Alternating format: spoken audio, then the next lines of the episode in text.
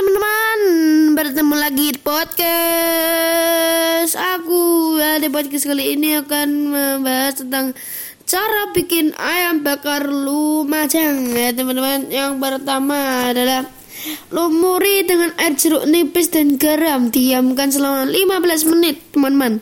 Kita harus diamkan uh, selama 15 menit ya, teman-teman. Cuci kembali ayam sampai bersih, sisihkan goreng ayam setengah. Nah, kita harus cuci dulu ya, agar kuman-kuman itu mati ya, tidak sampai uh, bersarang tubuh kita.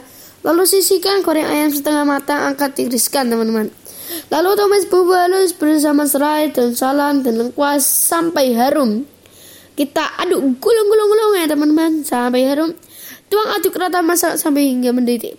Masukkan ayam goreng, aduk rata, gulung-gulung-gulung, masak sampai kuah mengering, angkat, bakar ayam sampai kecoklatan, angkat.